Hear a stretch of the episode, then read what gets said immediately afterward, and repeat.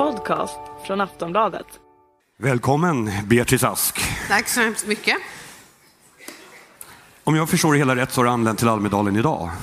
Ja, och här är ju verksamheten i full gång så det var bara att kasta sig in i frågorna. I den rosa husvagnen.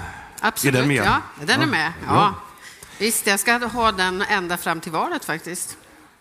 Bra idé tror jag. Jag tror den sticker ut.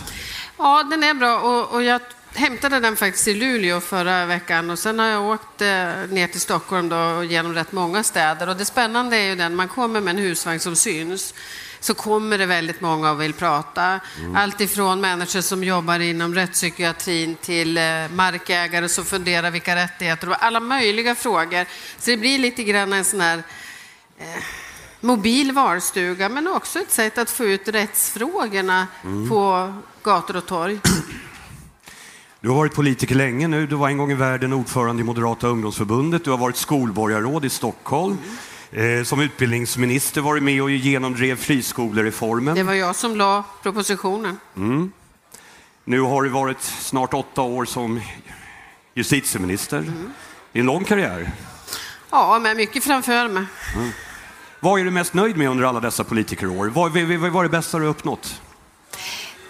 Det där är ju svårt, jag brukar inte tänka bakåt, men det är ju så här att när man funderar över vad man har gjort så jag är mest nöjd med det jag faktiskt har gjort och mest nöjd med det jag inte har gjort. För det är ju så att tiden räcker liksom aldrig till. Det finns alltid något man ville eller något man kände, det här borde man göra något åt och så blev det inte av. Som exempelvis? Ja, det finns ju en hel del att göra på skolans område, det är ju ingen tvekan om det. Eh, men sen är det ju naturligtvis eh, mycket av det här lokala polisarbetet man funderar över och, ja, det finns många stora och små beslut. Det är svårt att plocka ut någon.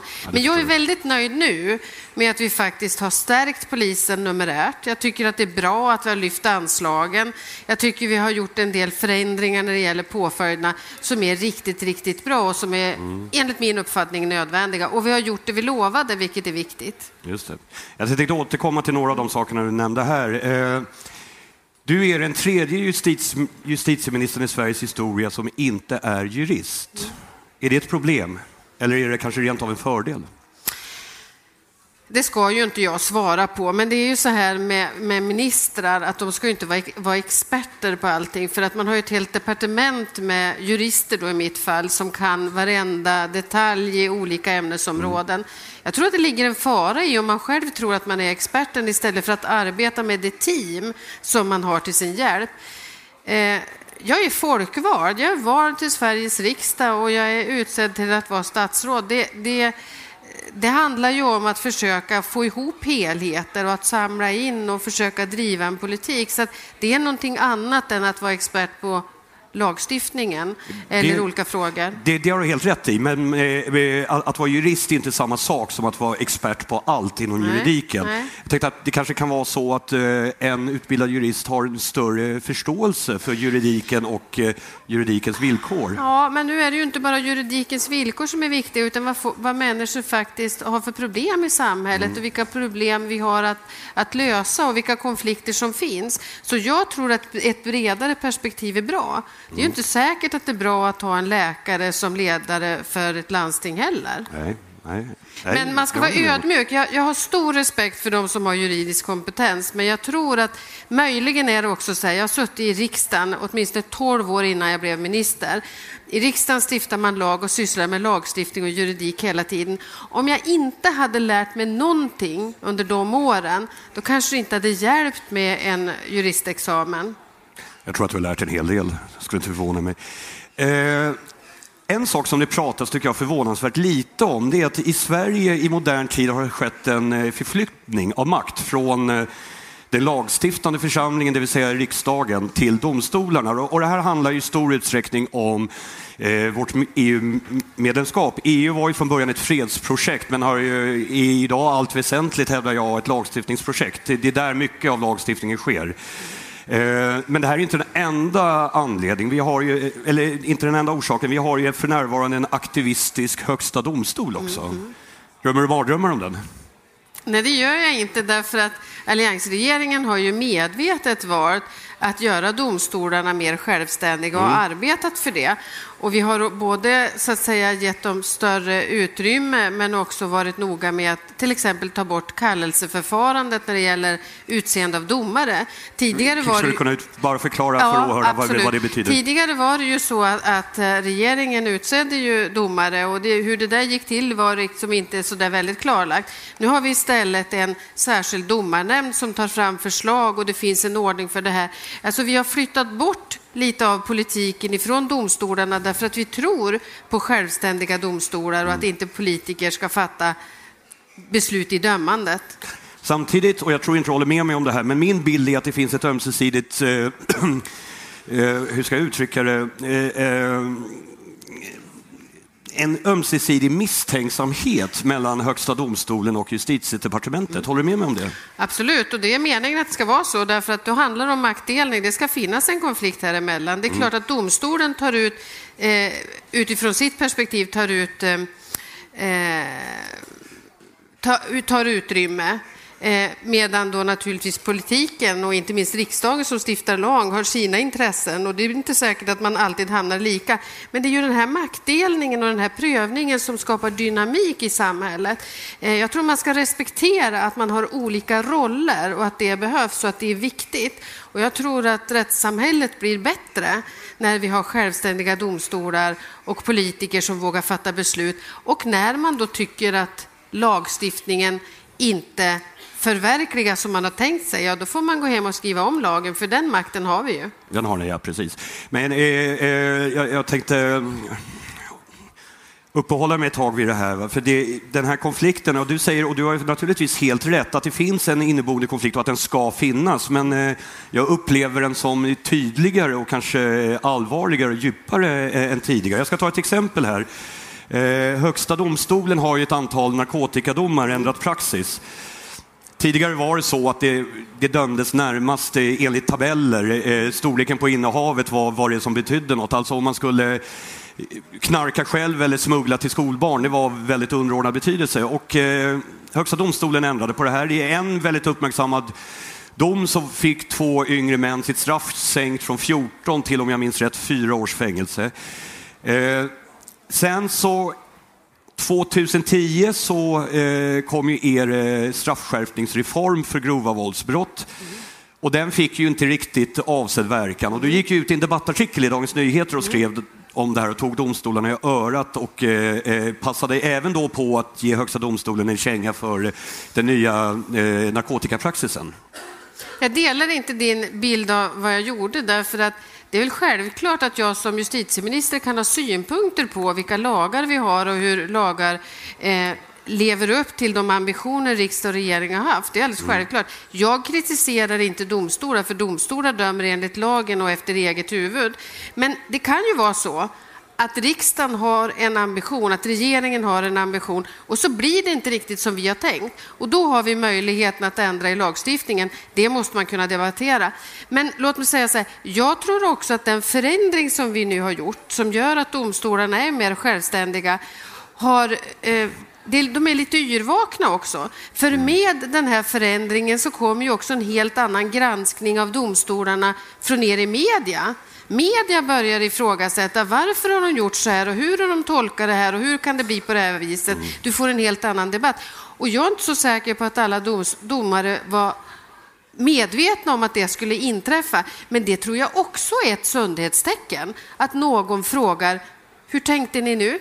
Och det måste vi kunna debattera. Sen när det gäller då narkotikadom, eh, besluten som HD tog. Ja, vi var lite förvånade därför att det skickade en signal och det blev mycket rabalder inom polisen bland annat därför man kände så här, va? Ska vi inte ha en tuff narkotikapolitik längre?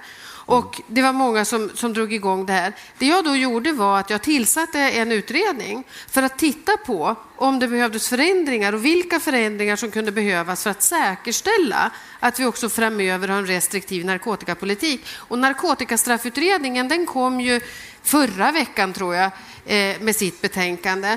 Och det de bland annat har sett är ju det att Sverige ligger i underkant när det gäller de grova narkotikabrotten.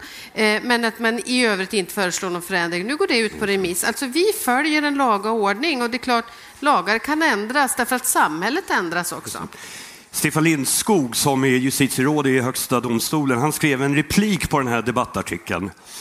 Han beskrev, ditt, han beskrev eh, din artikel som ett angrepp och att det var citat grundlöst och orättfärdigt. Dessutom avslutade han med en ganska iögonfallande ögonfallande sågning. Lagstiftaren förhöll sig passiv till det orimliga tillstånd som hade kommit att utvecklas på narkotikaområdet. Det fick därför bli Högsta domstolen som fick göra något åt det. Det gjorde inga visor. Ja, och jag tror att det som är professorer, jag håller på med utbildning förut, de brukar också vara väldigt eh, tuffa, verbalt tuffa. Och det får man väl räkna med domare också. Men det är möjligt att han kan säga att regeringar borde ha reagerat tidigare och inte gjort det. Eh, likväl så är det så att den signal som gick ut i rättsväsendet och till människor var det att nu skulle narkotikapolitiken ändras. Det var så intrycket var. Och då vill jag säga det, varken regering eller riksdag, det finns inget parti i Sveriges riksdag som har förordat en omläggning av narkotikapolitiken. Och det var skälet till att jag helt enkelt bad en utredning ta och titta över det här. Är det någonting vi behöver justera i lagstiftningen för att säkerställa att vi håller den linje som vi har haft hittills? Och, mm. och nu har vi fått ett svar som ska remitteras. Just det. Ett annat område där Högsta domstolen har varit inne det är ju mord och livstid. Mm. Eh, Sverige Dömandet utvecklades mer och mer till att livstidsstraffet blev vanligare och vanligare och samtidigt längre och längre. Mm. Och till slut satte Högsta domstolen ner foten, jag tror det var år 2007, och de, de kom fram till att normalstraffet för mord eh, skulle vara tio år. Det. det tyckte jag var klokt. Jag tycker att det ska finnas eh, eh luft, eh, hårdare straff att ta till för de absolut eh, värsta morden. Och jag är inte helt säker på att du helt håller med mig om detta. Alltså, jag kommer ju väl ihåg det där och det är klart att jag kommer också ihåg vad det var för fall som man eh, dömde i. Att säga att tio år och så sen ska man vara frigiven efter två tredjedelars tid är liksom proportionellt mot den handlingen det håller jag inte med om. Vi uppfattar att det, här är för lågt. Och därför så, så gav ju regeringen eh, en proposition som innebar att vi höjde det tidsbestämda mm. straffet ordentligt till 18 år. Det, om jag får, ja. ursäkta om jag avbryter, det tycker jag var klokt. Därför att diskrepansen eh, mellan eh, det tidsbestämda straffet Absolut. och så som livstidsstraffet hade utvecklats, det var alldeles för stor. Mm. Alltså det kunde vara skillnad på då i praktiken eh, sju år, sen villkorlig frigivning mm. och, sen, och kanske ja, uppemot 30 eh, år. Ja, det, nej, men det var för så, stor där, skillnad. Och, men det vi har fått då sen är mm. ju att eh, man har börjat döma fler tidsbestämda straff och i princip nästan inte dömt ut några livstidsstraff. Nej. Och det håller jag inte med om att det är rimligt. Eh, och därför så har vi då gjort ett arbete och återkommit till det, där vi då för att förtydliga när man bör fundera över om det inte ska dömas ut ett livstidsstraff och sätta kriterier på det. Och bland sådana kriterier handlar ju då om särskilt eh, hänsynslöst, i någons hem, inför ögonen på barnen, några sådana kriterier. Och då är det menat att det ska kunna bli ett livstidsstraff. För vi vill nog ha upp den nivån, för det sjönk alldeles för lågt. Så vi får större utrymme. Ja, riksdagen fattade ju beslut eh, om detta ganska nyligen, att eh, livstidsstraffet ska bli vanligare. Men samtidigt sjunker ju antalet mord i det här landet, vilket är glädjande. Mm. Eh, det finns ju ingenting i brottsutvecklingen som, som eh, motiverar det här. Nej, men det är ju inte någon konjunktur i, i, i, antalet mord som ska vara skälet till att man har ett visst straff på mord. Vad ska vara skälet då? det skälet är ju hur allvarligt samhället ser på handlingen.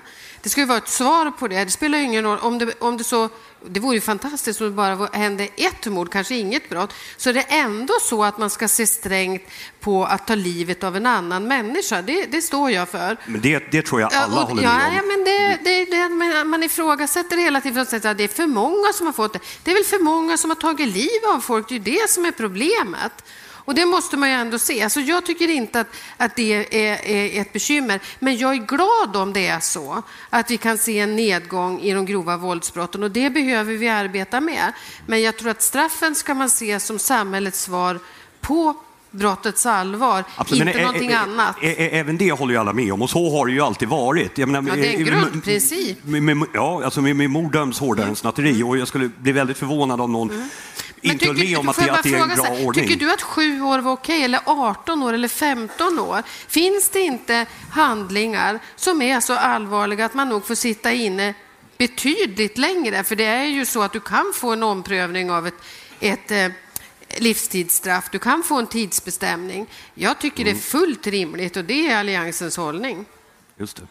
Samtyckeslagstiftning, det är ju en fråga som ofta är eh, på tapeten.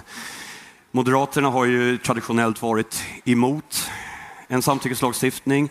Nu har ni eh, tillsatt en eh, utredning som bland annat ska titta på den här frågan. Varför gör ni det när ni alldeles eh, nyligen eh, vill, vill Ja, vara den är emot inte samtycke? tillsatt den där utredningen än, det kan jag beklaga, men den kommer snart. Men så här, eh, i grunden så tycker jag att det är självklart att man ska vara överens om man ska ha sex. Det det handlar om, och det är viktigt att tydliggöra det, ska lagstiftningen kräva att det är fastställt att man har varit överens och då blir det något annat för det ska prövas rättsligt och så. Det där har prövats i två omgångar av Sveriges riksdag i närtid och båda gångerna har man kommit fram till att det inte fungerar bra. Sen gjorde vi förändringar, vi, vi skärpte reglerna eh, och tydliggjorde så att säga våldtäktsbrottet för lite drygt ett år sedan. Sen har det ju varit väldigt mycket debatt och många tycker fortfarande att det inte är så att man får ehm, rätt domar, domslut i de här ärendena. Och då har vi sagt att okej, låt oss titta på det hela igen. Och då finns det en sak som jag har särskilt lyft fram och som vi kommer att lyfta fram och det är det här att vi behöver titta på ett vållandebrott också när det gäller sexualbrotten. För ofta blir det så att man säger det att eh, gärningsmannen, det är oftast en man, skyller ifrån sig och då, då räcker det med det. Eh, och, och det är ju så att, att eh, som lagstiftningen ser ut idag så ska det finnas ett uppsåt och det, det ska prövas på det sättet. Jag tycker att man precis som när det gäller våldsbrott ska ha ett vållandebrott därför att då är det ju så här att det behöver ju inte vara meningen att jag ska göra illa dig men om jag viftar med armarna tillräckligt mycket och du blir skadad då kan jag ha vållat dig en skada. Det vill säga att vi får ett brott som kräver lite större ansvar och hänsyn hos gärningsmannen. Norge har infört ett sånt och, och utredaren kommer att få titta på det för jag tror att det skulle möjligen göra att vi fick åtminstone fler fällda. Om inte för våldtäkt så för att faktiskt ha skadat en annan. Och det vet vi att det är väldigt många som har blivit skadade på grund av övergrepp. Och så säger du ut alltså efter fler fällande domar. Är inte varje friande dom en seger för rättssäkerheten? Ja, om inte, inte det om det, om det inte har begåtts ett brott. Däremot tror jag att vi har ett samhällsproblem i det att, att eh, många uppfattar att de blir utsatta för en fysisk kränkning som, som, som innebär för dem en våldtäkt. Och det är därför som vi hela tiden diskuterar hur det ska definieras. Samtycke är en ganska klumpig åtgärd, men vi får titta på det igen. Men, men ett vållandebrott är ju alldeles uppenbart, för det är klart att även om det då inte kan dömas som våldtäkt med dagens lagstiftning så är det ju uppenbart att rätt många faktiskt har blivit illa skadade eller påverkade eller kränkta utav handlingar som har skett bakom lyckta dörrar eller när man inte har varit tillräckligt nykter eller något annat. Och jag vill, jag menar det som är målet är naturligtvis att vi ska få en sund inställning till sexualitet och respekt för varandra i fler eh, fall. Du, du sa ju själv alldeles nyss att eh, i närtid har detta utretts två gånger och ni har kommit fram till att eh, samtyckeslagstiftning inte är en bra väg att gå. Eh, det är ju en het fråga, det är en kontroversiell fråga, det är en fråga som väcker opinion. Eh, det är valår dessutom. Är det inte det här bara politikertaktik? Man begraver frågan i en utredning över valet och hoppas att folk har glömt bort det. Nej, för problemet med det här att man inte kommer åt så att säga övergrepp med nuvarande lagstiftning, den tycker jag att man ser och då finns det alltid anledning att vända på kuttingen. Dessutom tycker jag man ska ta opinioner på allvar och lyssna på dem. Däremot så faller jag inte som en kägra varje gång någon tycker något. Men jag har stor respekt för Fatta-kampanjen till exempel och deras beskrivningar av övergrepp som många anser sig ha upplevt och som säkert är riktigt beskrivna och där man inte har känt att lagstiftningen och rättsväsendet har fungerat väl.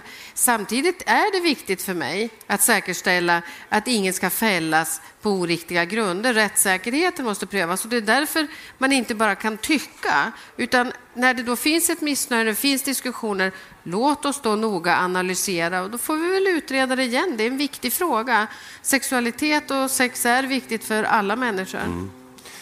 Det har funnits en betydande straffskärpningsiver rent generellt under dina åtta år som eh, justitieminister. Håller du med mig om detta? Ja, vi har ju velat lyfta straffen för grova våldsbrott. Det är alldeles riktigt. Och vi har också tyckt att det har funnits en orimlighet i, i påföljderna i flera fall. Det senaste exemplet är väl eh, bostadsinbrotten. Idag är det ju så att om man bryter sig in hemma hos någon och eh, ställer till det, många lider ju för tid och evinnerlighet sen, Eh, så, så blir det eh, villkorlig dom och möjligen böter, inte mer. Eh, det är inte i proportion till hur det drabbar brottsoffren. Och därför tycker vi att man ska titta på en strängare, göra ett särskilt brott och, och lyfta upp det något. Men ja. Ja, jo, det, Alliansen gjorde ett utspel här om sistens mm. inbrottsstöld. Mm. Det är samtidigt en brottslighet som bara klaras upp till, vad är det, 4-5 procent. Vore det inte bättre att satsa på att eh, öka uppklaringsprocenten? Ja, man kan ju inte göra bara det ena eller det andra, men genom att lyfta upp det så markerar man ju också att det här är en allvarlig brottslighet och det görs ganska mycket för närvarande mot mängdbrotten, vilket är bra. Det finns en grupp poliser som jobbar särskilt över landet med den här typen av ligor som ofta rör sig och som begår den här typen av brott. Eh, det finns i, i delar av landet bra verksamhet där man har bestämt sig för att åka ut på alla bostadsinbrott, göra ordentlig brottsplatsundersökning och därför få bättre resultat. Men det är väldigt ojämnt. Så det är inte så att jag bara ägnar mig åt lagstiftning, utan tvärtom så måste vi också bli smartare på att gripa det här. Vi har precis börjat att utbyta ur DNA-registret med Finland, kommer att gå vidare med de baltiska länderna. Och det är bra därför att vi vet att en del av de här inbrotten begås av människor som rör sig i flera länder och då kanske vi kan klara upp ytterligare. Men mm. vi måste bli bättre på att också ta DNA-tester. Ja. Det absolut senaste utspelet från Alliansen rörande hårdare tag, det kommer inte från dig utan från lantbruksminister Eskil Erlandsson. Upp till två års fängelse för att man struntar i sin sommar, sommarkatt. För att man? Struntar i sin sommarkatt. Ja, jag förstår att han är väldigt upprörd. Vi har inte diskuterat saken kan jag säga, så att det är inte samordnat. Men din spontana ö, åsikt om detta förslag? Jag tycker att eh, när man missköter djur och husdjur eh, så ska det naturligtvis eh, få konsekvenser. Men eh, jag vågar inte säga var det ska ligga, det vore helt fel. Har man sommarkatt ska man ta hand om den, annars ska man inte skaffa sig husdjur, det är min uppfattning. Mm. Där är vi överens, jag och Eskil. Det tror jag vi alla är överens om. Avslutningsvis, eh, många forskare, kriminologer, eh, socionomer, andra, både interna internationellt och i Sverige, de hävdar ju år ut och år in att de här äh, hårdare straffen inte gör samhället på något vis bättre. Att resurserna istället ska satsas på förebyggande åtgärder äh, och att, att, att äh, det absolut bästa Sverige skulle kunna göra för vår framtids skull, för brottsbekämpningens skull, det är att omfördela resurser från eh, eh, hårdare straff, mer pengar till, till eh, att bygga fängelser och allt vad det nu är, till de förebyggande åtgärderna. Det verkar som att eh, ni inte riktigt vill lyssna på det där. Det där är ju inte riktigt sant. Vi hade kriminologiseminariet här i våras. Vi har ju inrättat för några år sedan i Sverige ett internationellt kriminologipris och mm. har ett symposium med 400-500 forskare varje år i Stockholm. Hade det i juni. I år handlade det precis om den fråga du tar upp och, och det var också så att åtminstone någon av pristagarna hade den inriktningen. Men den forskningen handlade om situationen i USA i andra länder. Det är ju så här. Det, ursäkta, det finns svensk forskning som ja, pekar jo, det finns svensk forskning också. Håll. Ja, då, det finns mycket forskning. Men vad jag säger är den att det är ju inte så att någon tror att brottsligheten försvinner därför att man river fängelserna. Det tror mm. inte vi. Vi tror inte heller att folk blir bättre bara av att man låser in dem, utan man måste ju använda den tiden.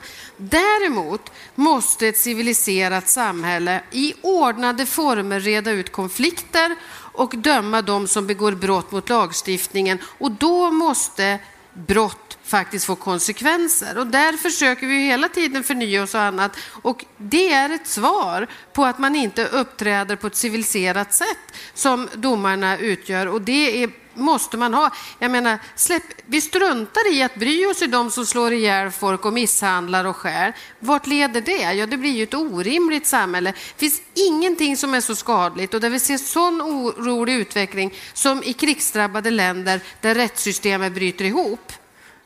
Så men, jag tror ju att lag och rätt är viktigt och då måste man ha påföljd, det kommer man inte ifrån. Absolut, men alltså, eh, det, det, det, finns ju ingen seriös forskare som hävdar att vi ska eh, skrota fängelserna. Nej, de gör ju inte och, det när man frågar. Och, och, och, och låta väldigt... människor mörda varandra och komma undan med det. Jag menar, så är det ju inte. Nej, men jag har de senaste sju åren ägnat mig åt att diskutera med de här forskarna varje gång det är seminarium. Och hittills har du ingen presterat något väldigt bra nytänkande på vad man ska göra istället, utan man säger bara ja, men det är många som återfaller, de blir inte bättre och så vidare. Mm. Ja, de har säkert rätt, men innan det finns ett alternativ så går det ju inte att diskutera saken. Det är rimligt om man begår allvarliga brott att man får böta eller att man hamnar i fängelse. Sen ska vi använda verkställigheten till att försöka tillrättaföra de här personerna, ge dem en chans att komma ut bättre. Och där finns det mycket att göra. Men tyvärr vågar jag säga, forskningen ligger efter när det gäller att också ge oss underlag för hur man gör det på ett riktigt bra sätt. Det vi vet, och det gör vi, det är att behandling mot missbruk har effekt. Och det är därför satsar vi mycket på det. Det vi inte kanske har forskningsstöd för, men där jag ändå ser statistiska effekter, det är yrkesutbildning, grundläggande bra yrkesutbildning så att man kan få ett hederligt jobb när man har avtjänat sitt straff. Mm. Det är också bra därför att då är ju risken mindre att man ramlar dit igen. Men som sagt, här finns mycket kvar att göra och det är ju det, det som gör det här så spännande. Se, se, samtidigt har ni idéer om att uh, avskaffa två tredjedelsfrigivningen för återfallsförbrytare. Det har ja, pratats om därför, att, därför att, att, att, ta bort straffrabatten ja, för, för unga just... brottslingar. Det, det, är ju ingenting som uh, på något sätt får kriminaliteten att sjunka. Ja, men det är ju så här. Eh, för att tillrättaföra något, för att någon ska ändra sitt liv måste man vara motiverad. Mm. Då måste vi till exempel jobba emot all den här stämplingen som vi har för oss. Vi ska ha registerutdrag, en här och en där och vi ska liksom döma någon hela livet för att de begick ett ungdomsbrott. Det är ett problem. Ett annat sånt där exempel är ju det att man, eh, och då får man svårt att få jobb, det blir problem i detta. Eh, jag tror ju att, att det är så att att också villkorlig frigivning kan ses som en förmån. Du har begått ett brott, det var allvarligt, du får ett fängelsestraff, du får chansen att komma ut tidigare under förutsättning att du uppför det. Men om man då omedelbart sätter igång och begår brott igen och åker in igen, så att det är tur och returverksamhet vi ägnar oss åt, ja men då kan man ju inte få den här villkorade förmånen gång efter gång efter gång, utan då är väl svaret är nej, men alltså om inte du kan leva upp till det, om du inte ens tar chansen nu när du fick ditt straff mycket kortare och får en chans att komma ut, ja tyvärr, då får du sitta av den tid som du dömd till. Jag tycker det är ganska rimligt. Mm. Nu har jag bara en fråga kvar. Eh, ni hänvisar ofta till att det allmänna rättsmedvetandet och eh, när ni motiverar straffskärpningar. Är ni säkra på att folk vill ha eh, längre straff?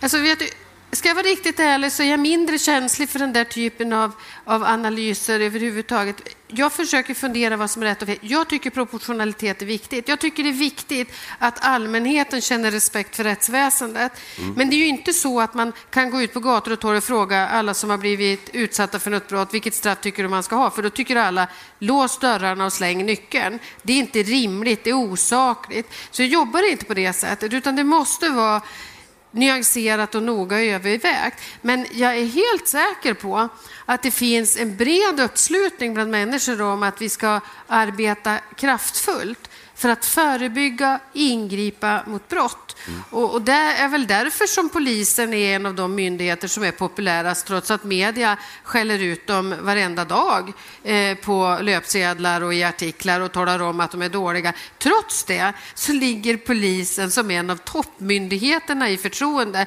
Därför att jag tror att människor känner sig, ja, någon måste faktiskt ställa, se till att det är ordning och reda i samhället. Absolut. Och det gör man. Absolut. Samtidigt gjordes en väldigt intressant studie för några år sedan i Sverige där eh, en, en, en ganska stor grupp eh, människor fick svara på frågor om eh, brott och straff. Och då ansåg de i allmänhet att straffen var för låga. Men sen så ställdes de inför Mm. konkreta fall.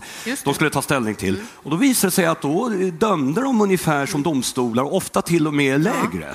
Och det är ju väldigt bra, för det visar ju att, att det finns en förankring hos medborgarna för hur vi arbetar i rättsväsendet. Och det som är fint i Sverige, till skillnad vågar jag påstå från vad jag hör från en del av mina kollegor, det är ju den att i vårt land så tycker de flesta att det är viktigt att den som har blivit dömd får en chans till rehabilitering, får träna, får möjlighet att bygga upp ett nytt liv. Det finns en förståelse för att man lägger en och annan krona på behandling och rehabilitering och sånt. Många av mina kollegor inom EU till exempel, de vittnar om att den förståelsen finns överhuvudtaget inte. Jag hade en minister på besök här om veckan som var förtvivlad över att han inte fick stöd någonstans för att göra moderniseringsreformer inom kriminalvården. Och då ligger ju de ändå långt efter vad vi gör i Sverige. Så att jag tycker det där är en fin sak i Sverige. Mm, bra. Tack Beatrice Ask för att du kom hit. Jag tycker vi ger justitieministern en applåd. Tack själv. Tack. Tackar. Jag tyckte det blev kul.